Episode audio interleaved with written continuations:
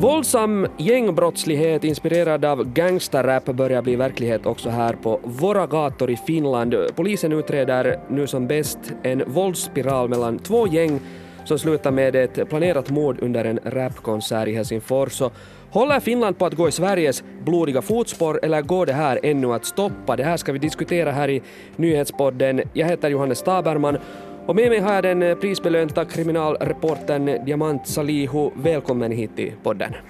Tack så mycket.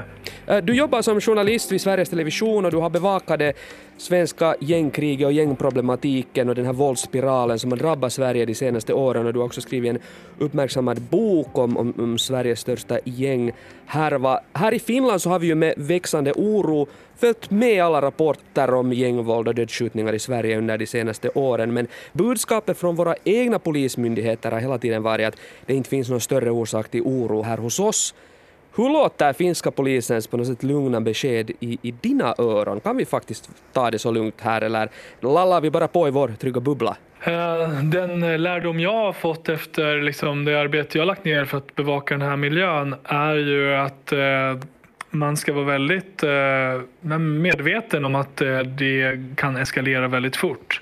Att det kan räcka med en gnista, alltså att det uppstår en konflikt mellan eh, forna barndomskompisar och sen att det bara eskalerar i, i form av våld. Eh, det har vi sett här i Sverige, flera sådana exempel.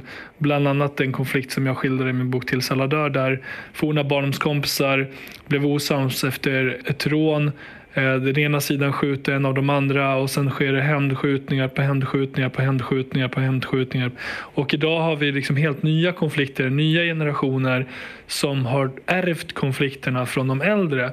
Eh, och eh, jag vet liksom inte i detalj exakt hur allting ser ut i Finland men jag menar att man bör vara väldigt uppmärksam och inte bara polisen men hela lokalsamhället när man har då Uh, unga killar som lever i ett utanförskap, uh, som inte arbetar, som kanske missbrukar och som har konflikter med varandra. Att det kan räcka att någonting händer plötsligt för att våldet ska gå överstyr. Och, och, det är väl just det här nu som polisen lite uh, har börjat befara. För polisens ton har ändrats nu lite och börjar bli mer allvarlig kring den här gängproblematiken också här i Finland. För nyligen avslutades uh, förundersökningen kring en i finska mått exceptionellt våldsam hämndhärva mellan just två rivaliserande gäng, ett från Helsingfors och ett från Esbo. Eh, under ett halvårs tid så uppstod liksom en sån här hämndspiral mellan de här två gängen. Eh, de rånade och misshandlade varandra, de sköt mot varandra också på offentliga platser. En del av dåden filmades och lades ut på sociala medier där de också hotade och provocerade varandra. Och hela den här Våldsspiralen och gängkonflikten ledde sen till slut till en planerad mordattack under en rapkonsert i Helsingfors som polisen ändå kunde stoppa. Polisen talar nu om en kultur där man utför rafflande dåd som filmas och läggs ut på sociala medier. Låter det här bekant? Oh ja, jättebekant och eh, jag tror att eh, vi måste inse en sak. Eh, att vi lever i en tid där unga personer lever på sociala medier. Eh, Poliser, andra personer som är äldre eh, och även vi journalister, vi har inte hängt med i utvecklingen. Konflikter sker på sociala medier. De trappas upp på sociala medier. Eh, influencers sprids väldigt snabbt. När du nämner liksom att man kanske är på väg åt samma håll som i Sverige. Men de influenserna som vi har haft här kommer från USA, kommer från mm. Storbritannien där man flera år tidigare har haft Eh, samma typ av konflikter i gängmiljön där gängen också har egna rappare som har konflikter med varandra, som dissar i varandra i musikvideor, i låttexter. Så som vi har sett i Sverige senaste åren, så som ni är på väg att se nu idag.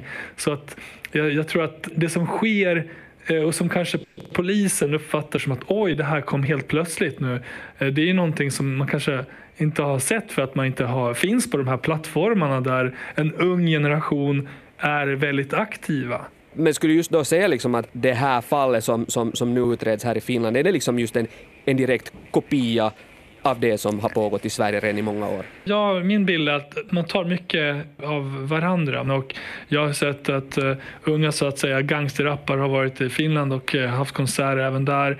Alltså, det är inte så förvånande egentligen. Om man har ett utanförskap, och man har segregerade områden, man har unga killar framförallt som drivs åt det här hållet och den här livsstilen så är det heller inte konstigt att man ser samma sak som kan hända i Finland.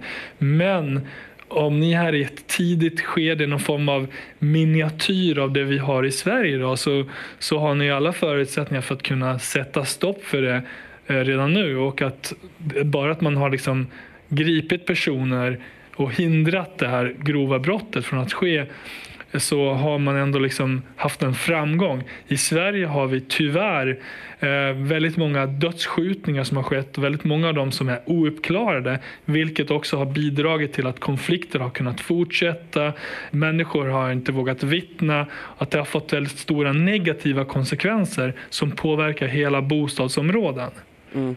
Men jag försöker nu förstå att hur är det möjligt att ett gräl på sociala medier så snabbt kan eskalera liksom till skottlossning och dödsskjutningar och mord och sånt här grovt våld?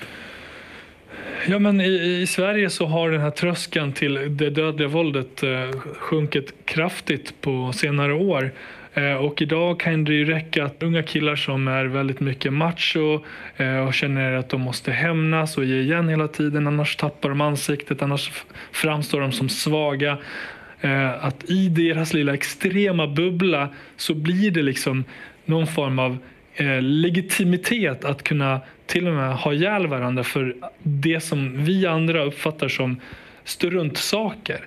Och jag har själv sett flera sådana exempel på hur man filmar varandra, förnedrar varandra, sprider det på sociala medier för att visa sina rivaler vad man är kapabel till och framförallt också för att förnedra dem, eh, de här som man ser som någon form av fiende. Bara häromveckan veckan så spreds det en sån video när flera unga, unga killar, den yngsta var född tror jag 2011 eh, som var inblandad i detta. När man sparkar och till och med eh, gör ännu mer värre saker mot en ensam ung kille och sen sprider den här videon till människor på sociala medier.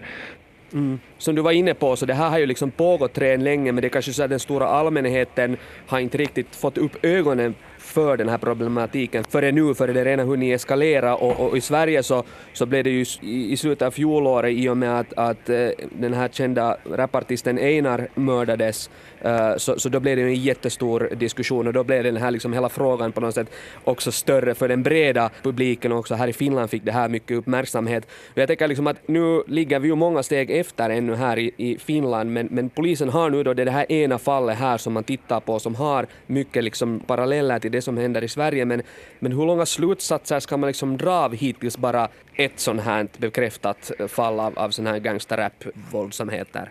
Jag tror att det är en jättetydlig varningsklocka till hela samhället, också i Finland, att man ska faktiskt ta det på största allvar. Eh, att ni måste bli bättre på att följa vad som händer på sociala medier. Föräldrar behöver bli bättre på att följa vad som händer på sociala medier. Myndigheterna behöver följa vad som händer. Man ska liksom vara på tå tårna för för man kan liksom inte så här, eh, vifta bort att det här är en engångshändelse. För jag kan bara tala för Sveriges exempel att vi har liksom haft konflikter, vi har under många år nu, vi har många unga killar som har dödats i de här konflikterna. Vi har kända rapartister som kopplas till den här extremt infekterade konfliktmiljön. Eh, allt det bör vi nu i Sverige liksom bli mer uppmärksamma på. Men, men jag säger till er också att eh, tar det på största allvar. Mm. Så när polisen nu liksom då eh, utreder ett fall så då kan vi liksom anta att det här ändå fenomenet har spridits eh, mer än så. Enligt polisen talar man nu här i Finland omkring tio gäng i Helsingfors och Esbo, eh, Vanda och det är just män i 20 års ålder med, med in, ofta invandrarbakgrund eh, eh, som, som just känner varandra sedan barndomen, har vuxit upp i samma område. Eh, så här ser vi liksom samma tendenser som har funnits i Sverige, men hur, hur långt efter ligger vi? Hur, hur, hur snabbt kan det liksom eskalera?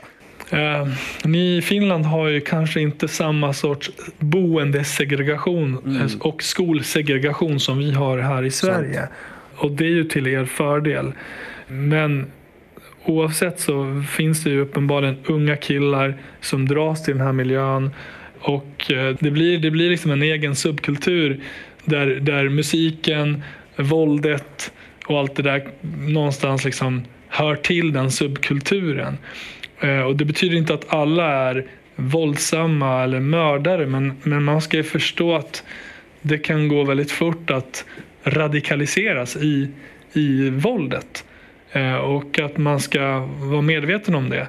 Eh, att sätta in snabba tidiga åtgärder för att stoppa den här utvecklingen så att inte ni behöver gå igenom det som vi har sett i Sverige de senaste åren. Mm, du talar liksom om just en subkultur som sen sprids effektivt via sociala medier. Jag tänker att nu också i det här fallet i Finland, så en av de här misstänkta från det här Helsingforsgänget, så han är ledarfigur då i det här gänget tydligen, 21-årig man, man som rappar i musikvideon om hur hans gäng är mot polisen, eh, älskar kvinnor, pengar, säljer kokain och, och, och, och i den här videon så poserar man med vapen eh, och så här. Den här sortens våldsglorifierande gangsterrap så, så blir ju liksom allt populärare.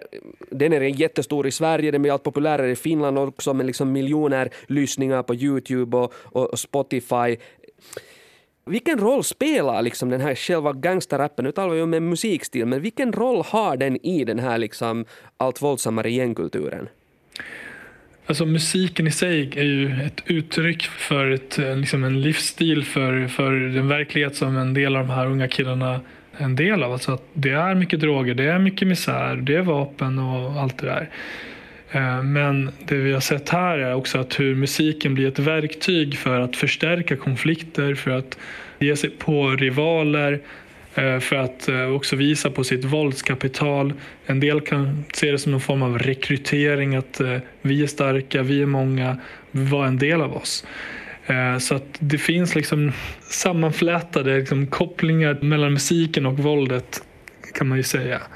Borde man se liksom sociala medier idag som en förlängning av gatan helt enkelt? Den som äger gatan äger liksom sociala medierna och vice versa?